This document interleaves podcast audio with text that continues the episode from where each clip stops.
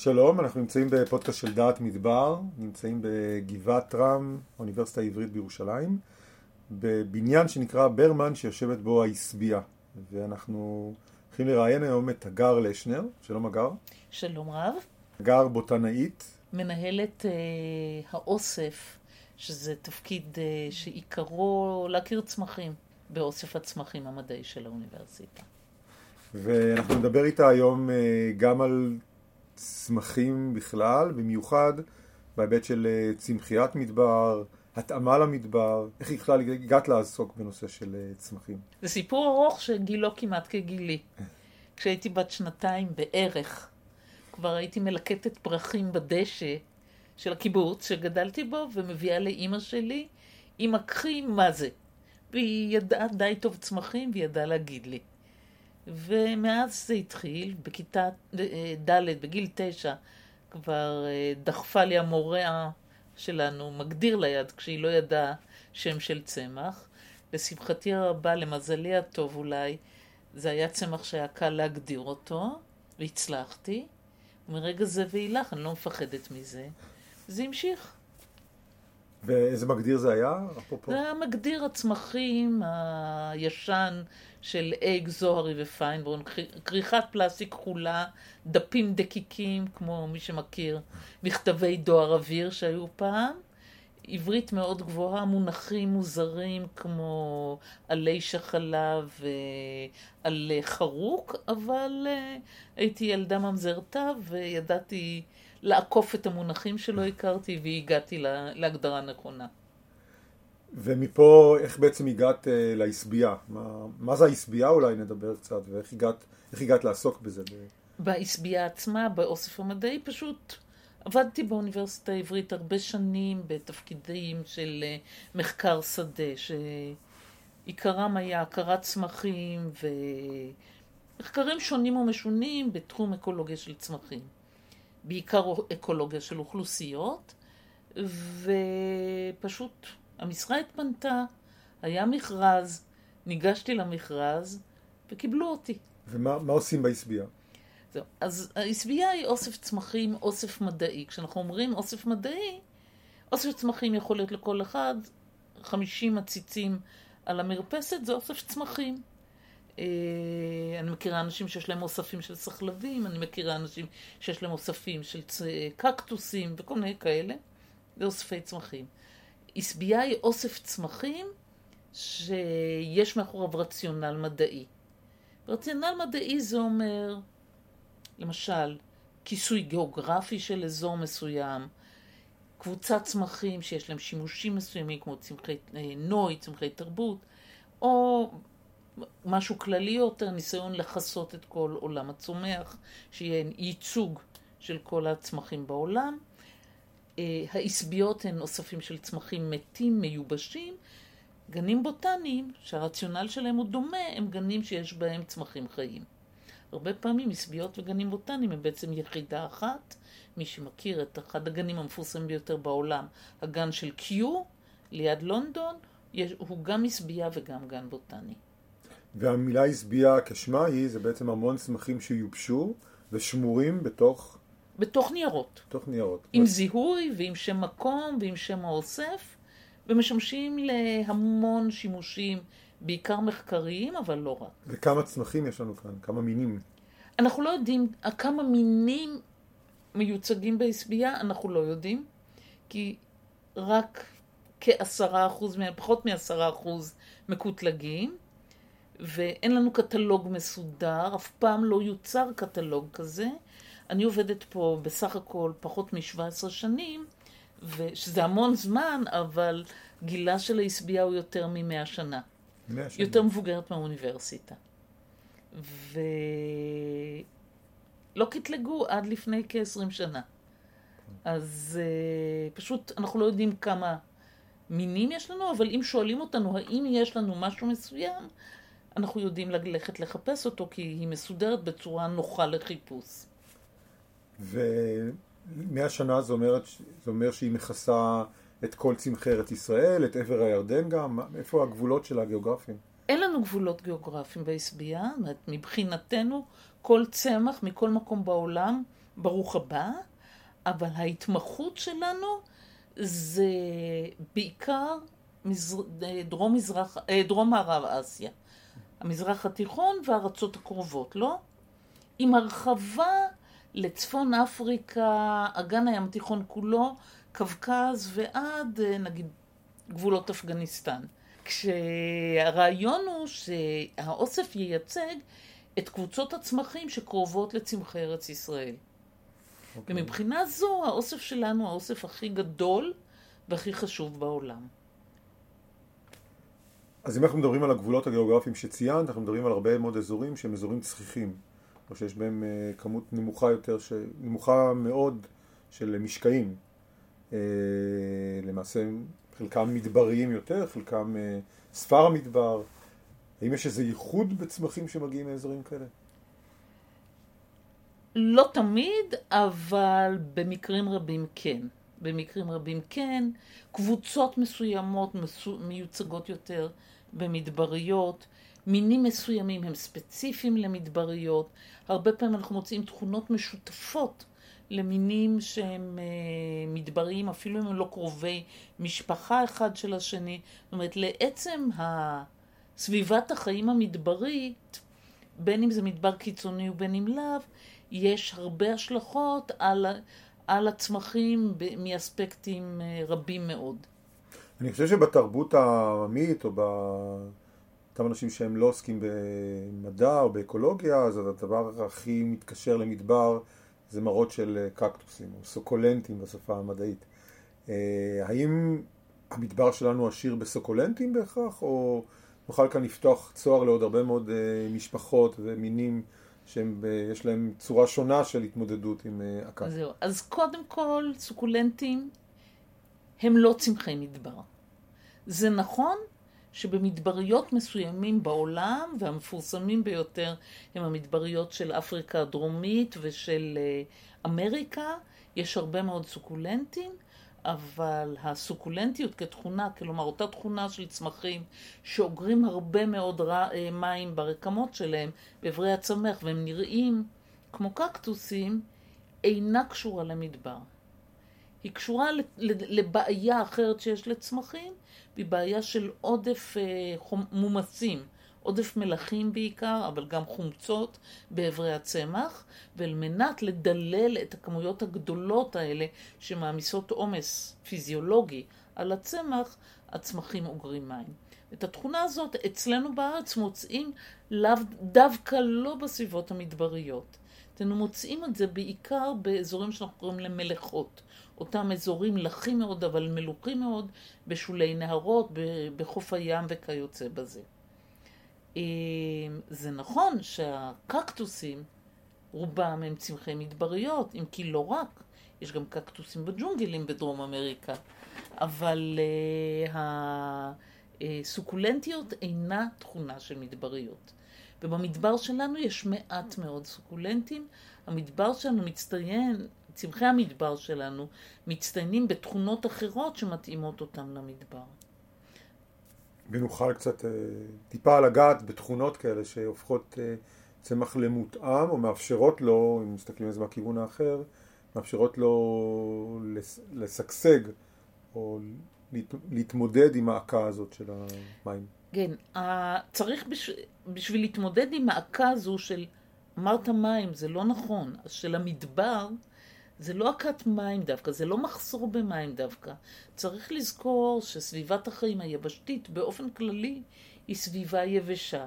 וכשאתה חושב על צמחים בארץ, לדוגמה, אז כל הצמחים בארץ צריכים מ-1 באפריל עד 1 באוקטובר, כלומר שבעה חודשים בערך, לחיות בלי אספקת מים טבעית. זאת אומרת שיש בעיית מים ביבשה. אפילו באזורים הלכים ביותר, הירוקים ביותר בארץ, ממרומי הר מירון, הצמחים צריכים להתמודד עם יובש.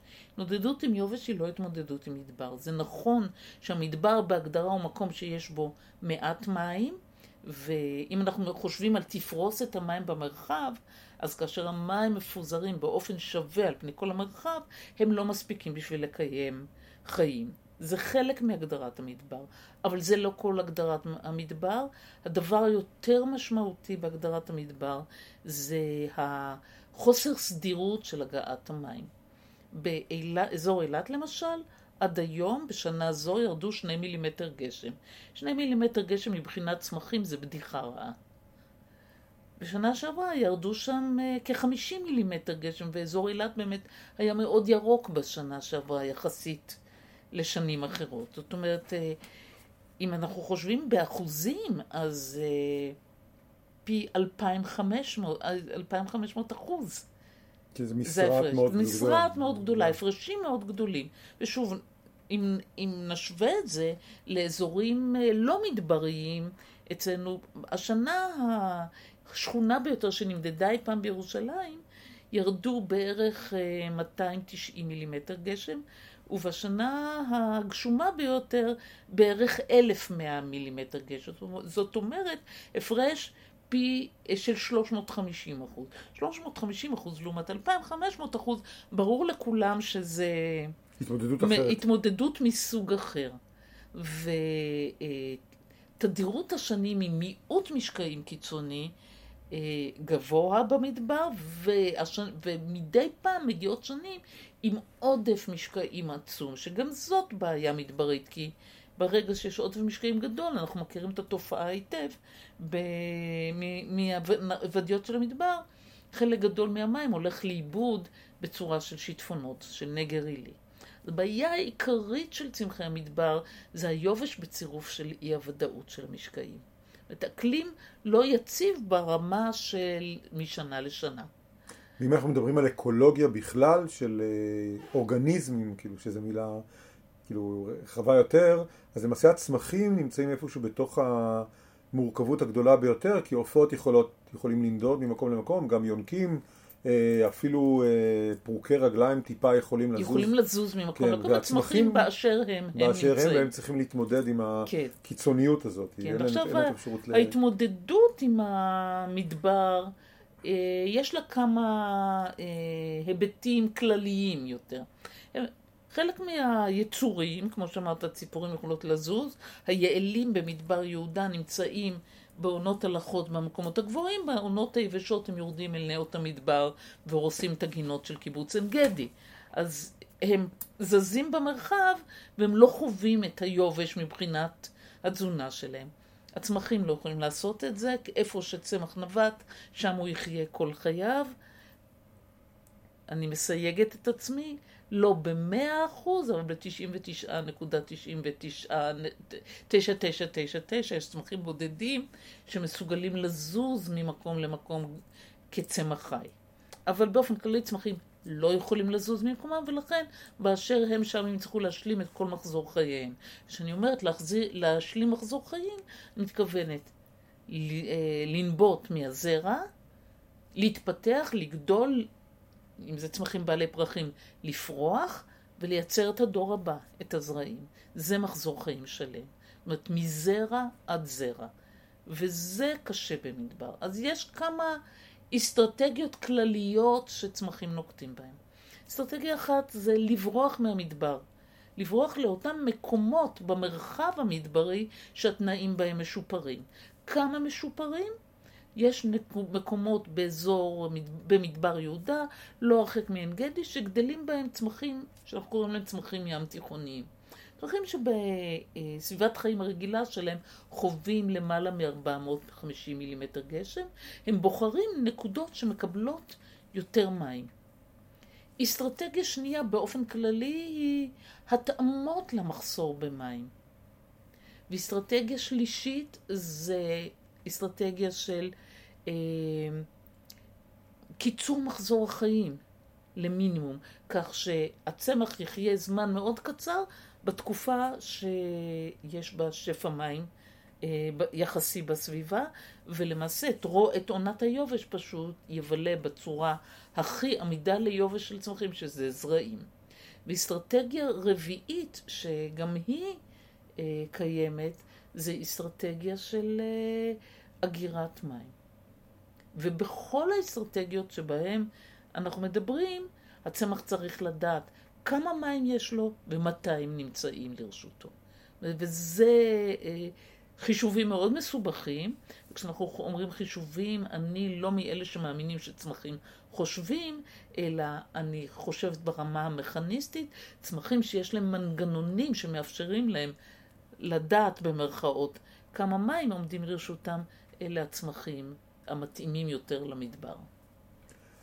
כשאנחנו מדברים על צמחים, יש כאן בעצם אה, מספר אה, קבוצות, יש עצים, יש אה, שיחים אה, וכו' וכו'. אה, האם יש גם אסטרטגיות שמתאימות לסוגים שונים, שהם לאו. כן, לקבוצות שונות לקבוצות, יש כן. אסטרטגיות שמתאימות לקבוצות שונות.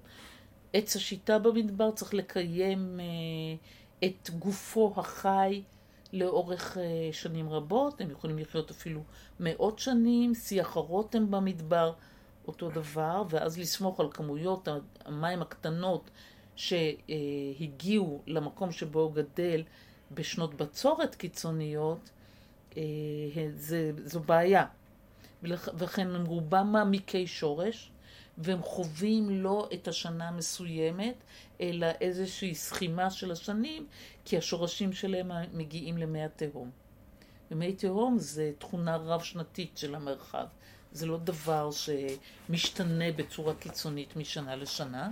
ואכן אנחנו רואים למשל את עצי השיטה והרותמים שהם גדלים בעיקר בוודיות וככל שאנחנו הולכים למדבר הקיצוני יותר, כך הם מצטמצמים יותר ויותר לוודיות ולוודיות הגדולים יותר.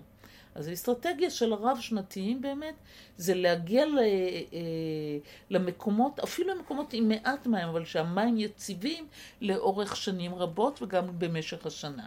זאת אומרת, הם לכאורה חיים במדבר, אבל הם מחוברים למקור מים תת-קרקעי שבעצם מזין כן, אותם. שמקור, כן, ו, אבל מקור המים התת-קרקעי הזה לא, לא חייב להיות מקור מים מאוד שופע, אבל הוא חייב להיות יציב יחסית. ואנחנו רואים גם תופעה שבמקומות שבהם יש שינוי במפלסי מי התהום, אם זה בגלל אה, שינויים על פני השטח, יצירת כבישים, שינויים בטופוגרפיה, אם זה על ידי קידוחים שמשנים את אה, אופק מי התהום, אנחנו רואים באמת שחלק מהצמחים הרב-שנתיים שמושפעים מהשינויים, שכמויות המים שהם מקבלים אה, מושפעות מהשינויים האלה מתים. אה, התופעה הזאת קיימת במדבר שלנו, אנחנו יכולים אפילו לכמת אותה בצורה די מדויקת, כי, כי רואים את זה, ואפשר, ואנחנו יודעים את הגורמים. אבל למשל, שנות הבצורת שהיו אה, ב-20 שנה האחרונות לא השפיעו על תמותה של שיטים או של רתמים. הם לא ראו את זה, הם ראו את, את מי התהום, ששוב, ששנה ברוכת גשמים כמו שנה בנגב הצפוני, עושה מילוי מחדש, ומי התהום זה איזושהי סכימה של הרבה מאוד שנים, יכולה להיות סכימה של עשרות ואפילו מאות שנים מבחינת הצמחים. זאת אומרת שבראייה אקולוגית מדברית רחבה יותר, יש בעלי חיים שבעצם קשורים בדרך כזאת או אחרת לעצים, עצי כן. השיטה, ודאי, ואז ודאי, למעשה ודאי. יש להם כאן מקור יציב שעליו הם יכולים להסתמך, לעומת ודאי, כאלה שבעצם... ודאי, ודוקטור בני שלמון, שהיה אקולוג של רשות הטבע והגנים ב... של מחוז אילת, כתב חוברת מקסימה על עץ השיטה כבסיס לחיים במדבר, והוא עבד באזור אילת, שבו עצי השיטה הוא מקור חיים חשוב ביותר, ואולי מספר אחד, לבעלי חיים גדולים במרחב שבו, שבו הוא עבד. אפשר להגיד אפילו שאולי עץ השיטה הוא סוג של אה, נעת מדבר. עבור... הוא נעת מדבר עבור בעלי החיים, כן. איך האדם בעצם אה, משפיע על אה, אוכלוסיית הצומח במדבר? זאת אומרת, אדם סולל כבישים, ואדם מקים יישובים, mm-hmm. ואדם אפילו מנייד אה, עציצים או חול ממקום למקום. מה זה בעצם עושה? אז מי שהקשיב השנה לחדשות העוסקות ב... ביפי הפריחה שלנו, או מי ש...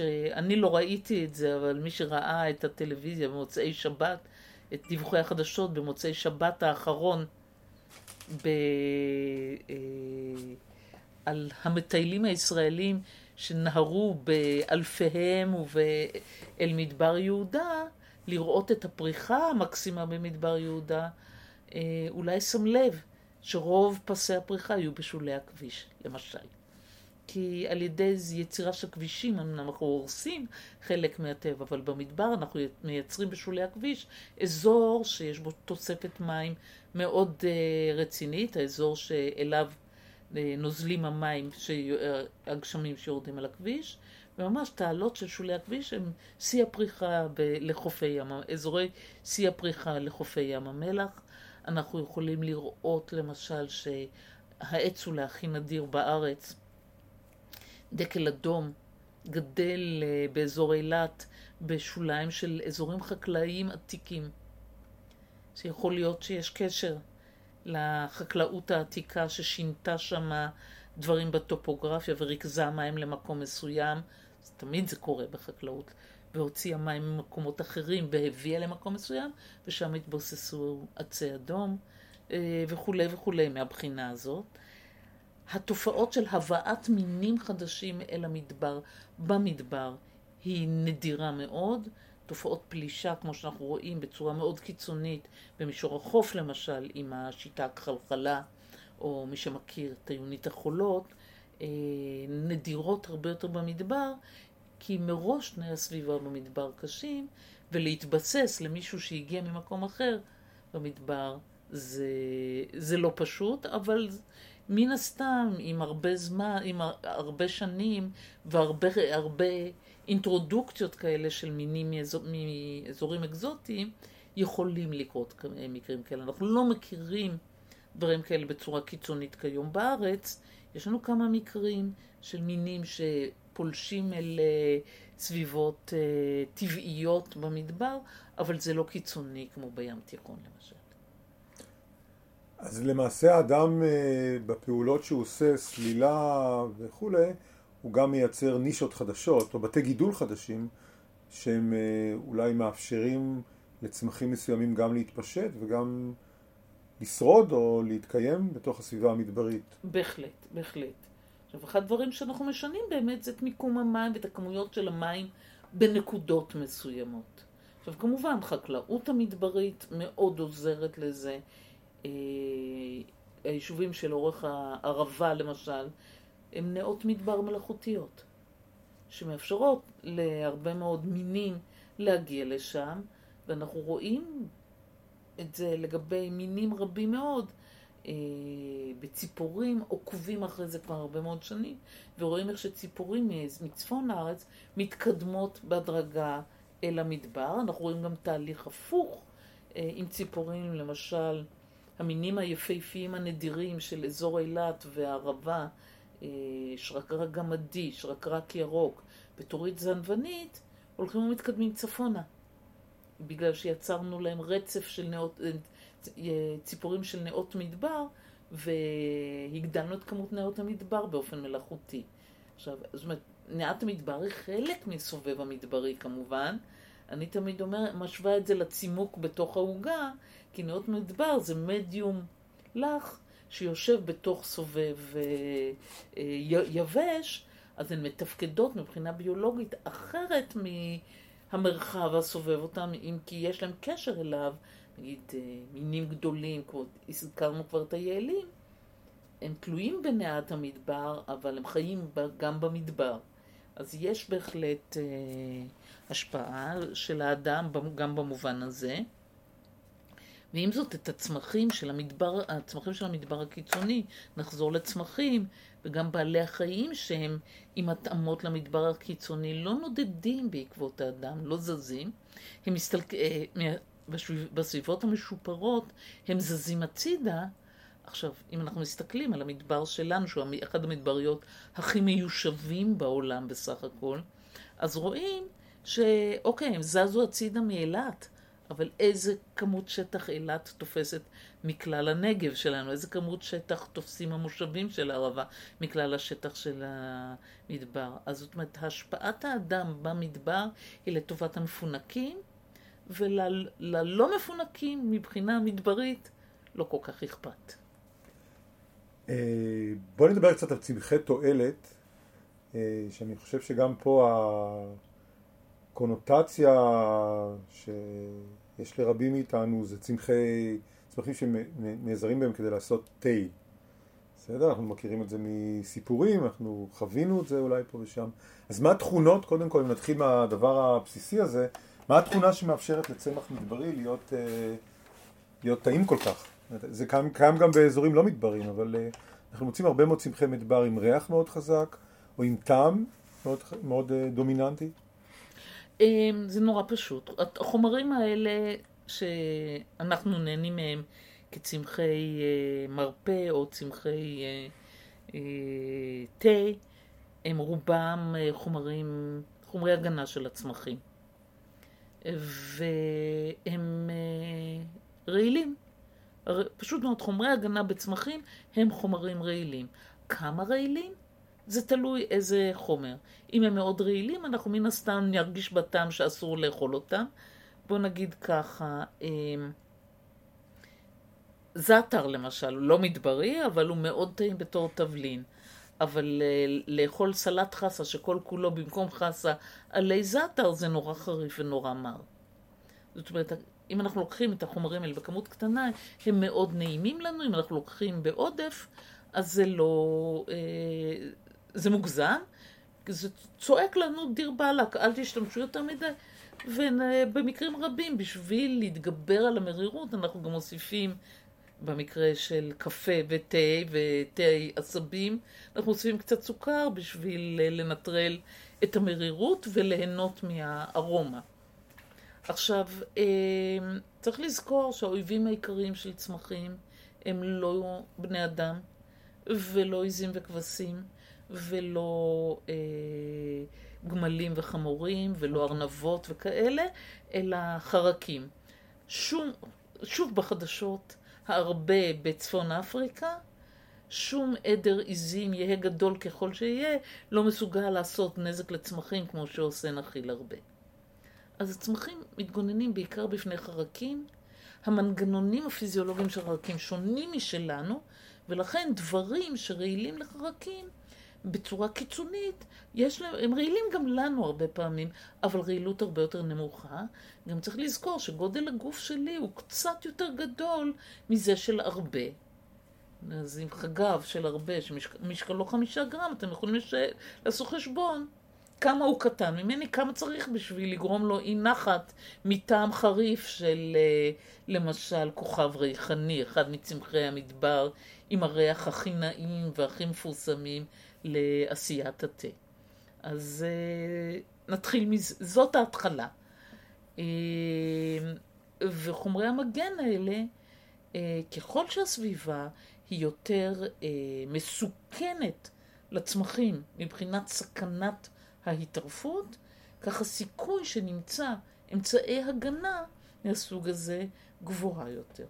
עכשיו, קוצים זה אמצעי הגנה מצוין, לא כך יעיל נגד חרקים, הם עושים סללום בין הקוצים הקטנטנים. רעלים, נו, שנמצאים בעלים בעיקר, אבל כל חלקי הצמח במרבית המקרים הם אמצעי הרבה יותר יעיל, כי ברגע שהרבה ייתן ביס לענת המדבר, יהיה לו לא טעים. ואז הוא יעדיף את הרותם שעל יד זה, שאין לו חומרי רעל. חרקים כמובן הם חכמים גדולים בעניין הזה. הם יודעים בדיוק מה, מה טוב להם לאכול ומה לא טוב להם לאכול, והם מעדיפים תמיד את הפחות מוגן. בסביבה שבה הסיכוי לאכל גדול, אתה צריך יותר הגנות. עכשיו, באזור הים תיכוני אין פחות חרקים, אבל יש הרבה הרבה יותר צמחים. ולכן הסיכוי שלך ברמת הפרט לאכל יורד. כי אם יש אלף חרקים ועל ביומאסה של אלף אה, טון אה, צמחים, לעומת אותם אלף חרקים על ביומאסה של רק אה, טון צמחים, אז הצמחים יצטרכו להתגונן יותר. ובעצם הטורפים עושים סלקציה לטובת המוגנים. על ידי זה שהם מעדיפים את הלא מוגנים. אז אה, אכן, במדבר יש הרבה מינים שהם אה, ריחניים יחסית, והריח הוא לא בהכרח ריח טוב, או מרים, או חריפים וכולי וכולי, הרבה מאוד צמחים עם הגנות כנגד טריפה. עכשיו, אני גם אסייג את דבריי ואדגיש שאחד הדברים החשובים להסתכל, זה לא להסתכל על הצמח המסוים. הננה שגדלה במעיינות במדבר היא עם טעם ננה באותה מידה כמו הננה שגדלה באזורים מלאכים יותר בארץ. אלא אם יש לנו סוג שיש בו מינים מדבריים יותר ריחניים, עם ריחות יותר חריפים, בהשוואה לסוגים אה, לא מדבריים, זה העניין. זה אומר mm. שהמדברי מוגן יותר. והדוגמה הבולטת ביותר אצלנו זה הסוג כוכב. כוכב ריחני, שהוא מין מדברי, מוגן על ידי ריח, בעוד שמינים אחרים של כוכב, אחד מהם מדברי, כוכב ננסי, אבל כוכב מצוי של הים תיכון, הם לא מוגנים על ידי ריח. לענת המדבר ולענת יהודה הן לענות מאוד מאוד ריחניות, אבל יש לנו מינים של לענה שהם לא ריחניים. לענת אה, דו-זרעית של, ה, של החולות, גם של המדבר וגם של הים התיכון, היא לא ריחנית, היא לא מכילה חומרים, אה, חומרי רעל כאלה נגד... אה, אז חומר הרעל הוא סוג של מנגנון הישרדות ולא מנגנון התאמה לנושא של אה, יובש או סדירות של מים. יש שאומרים שהחומרים האלה הם חומרים שהם חלק מהתאמה ליובש, כי על ידי העלאת הערך האוסמותי, על ידי העלאת כמות המומסים בתוך הצמח, הוא מאבד פחות מים. הנטייה של מים לעזוב אותו אל האוויר היא נמוכה יותר.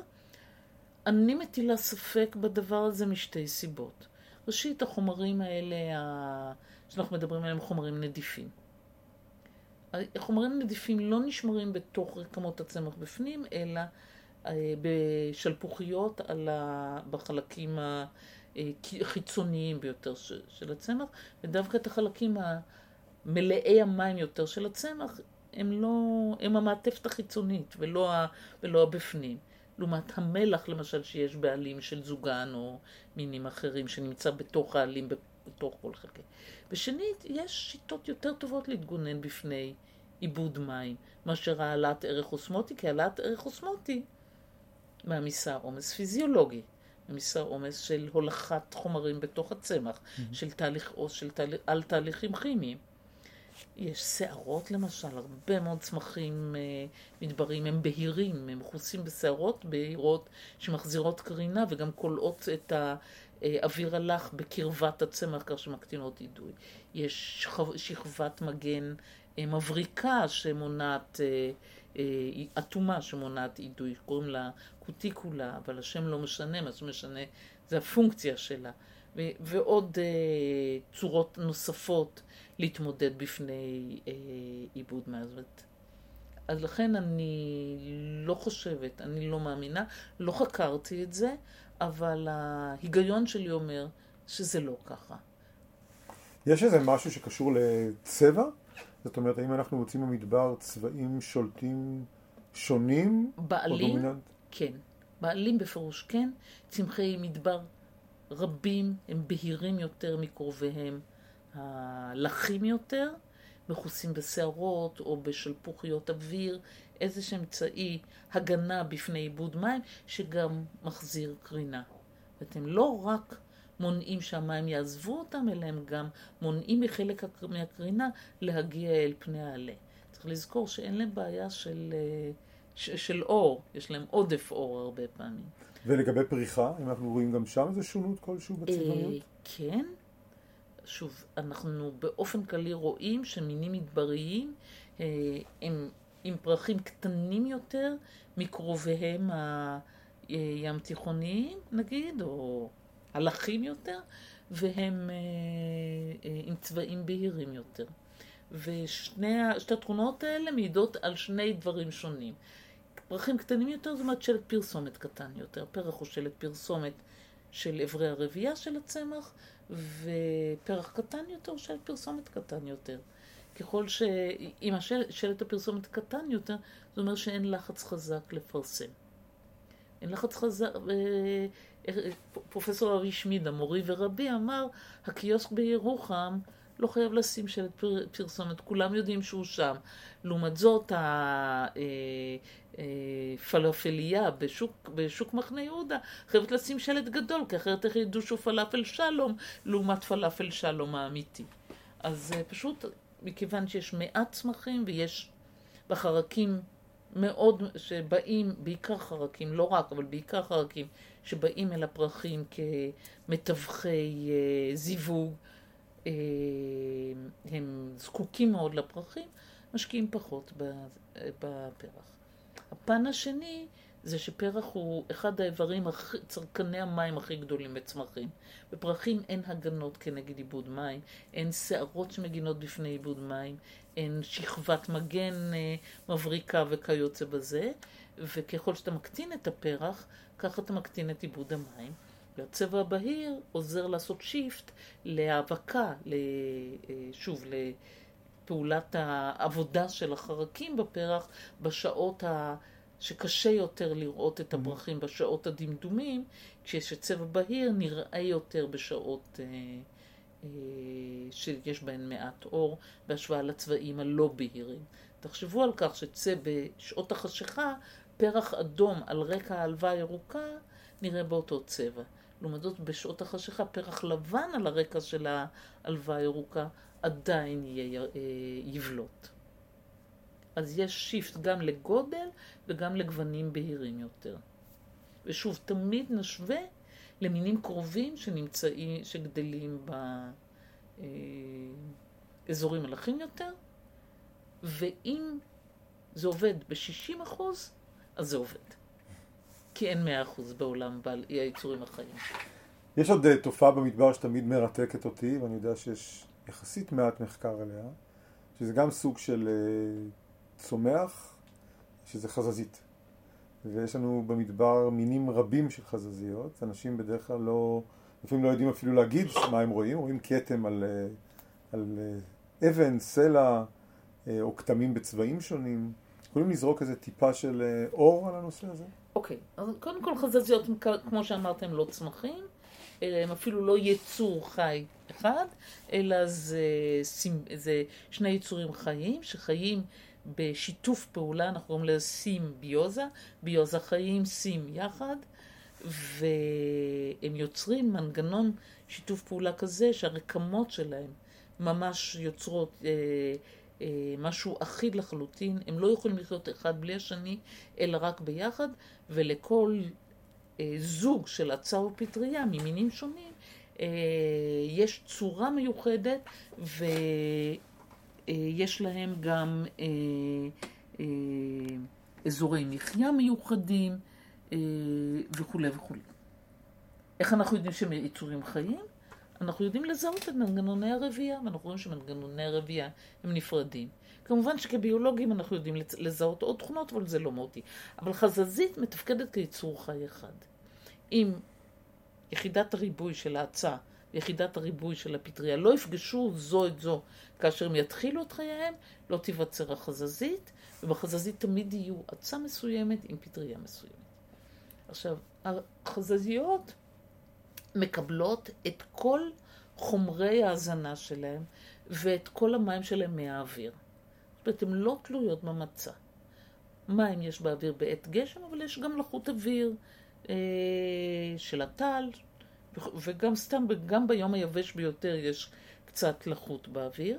וחומרי הזנה זה האבק שנישא ברוח ונוחת על החזזית.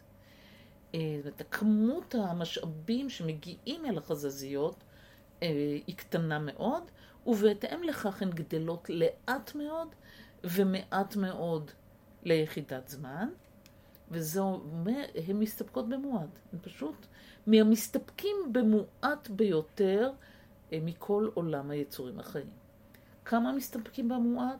במועט? בסביבות החיים הקיצוניות ביותר, היצור האחרון של המקום הכי הכי קיצוני זה חזזית. בעמקים הסלעיים היבשים של הסהרה, שיורד בהם בממוצע גשם פעם ב-20-30 שנה, יש חזזיות, אין צמחים בעלי פרחים, וב... האזורים האנטארקטיים הקפואים שיש בהם סלעים יש חזזיות, וגם בגבהים הגבוהים ביותר בהרים, בגבהים של אפילו 6,000 מטר, יש, ששום צמח לא יכול לחיות בהם, ואף בעל חיים לא נמצא שם באופן יציב. יש חזזיות, החזזיות דבוקות למצע, זאת אומרת, זה לא סתם שנמצאות שם, הן נמצאות שם כל חייהן. אז החזזיות הן יצור עם התאמה קיצונית למיעוט משאבים, לאו דווקא למדבר, אבל למיעוט משאבים. אי היציבות של המשאבים היא לא הדבר שקובע אם תהיה שם חזזית או לא. יש חזזיות שונות, אבל חזזיות המדבר יודעות גם להתמודד עם, ה, אה, עם אי היציבות, לא רק עם המיעוט, אלא גם עם אי היציבות של המשאבים. וזה מאפשר להם להיות גם במדבר הקיצוני ביותר, כאמור, שפעם ב-20-30 שנה אה, יש יום, יומיים, שבועיים, שבהם יש משאבים בסביבה ואפשר לגדול. מנגנון נוסף, מעבר להסתפקות במועט שמאפשר להם את זה, זה גם תכונה שאנחנו מכנים אותה בשפה הביולוגית אנביוזה, אנא שלילה, ביוזה חיים. על, על באלף חיים, לא, לא בעין. זה אומר שהם מסוגלים להיכנס לתרדמת יובש קיצונית, להוריד, להמשיך לחיות, אבל להוריד את שיעור הנשימה שלהם, שיעור חילוף החומרים לפרומילים, למעט מאוד, וכך להמשיך לחיות בסביבה נטולת משאבים חיצוניים אה, לחלוטין, עד שיבוא הזמן שיהיו משאבים. שזו התאמה נהדרת למדבר. זה התאמה נהדרת, זאת התאמה נהדרת למדבר. ולכן הן נמצאות הרבה במדבר, וגם במדבר הן בוחרות את הסביבות היותר מתאימות להן. למשל, אנחנו רואים במדבר בפירוש שחזזיות נמצ... נמצאות יותר בצד הפונה צפונה של הסלע, מאשר בצד הפונה דרומה, כי הצד הפונה צפונה הוא הצד הלך יותר, שמקבל פחות אה, קרינה. תודה רבה רבה, היה לנו מאוד uh, כיף. Uh, להזכיר לכם, כל הפודקאסטים שלנו נמצאים גם באייטיונס, גם בספוטיפיי וגם אתר מדבר. org. חשוב לציין שהגר היא חלק מהמיזם שלנו מתחילת דרכו, אנחנו מכירים כבר 30 שנה כמעט, שזה הרבה מאוד שנים.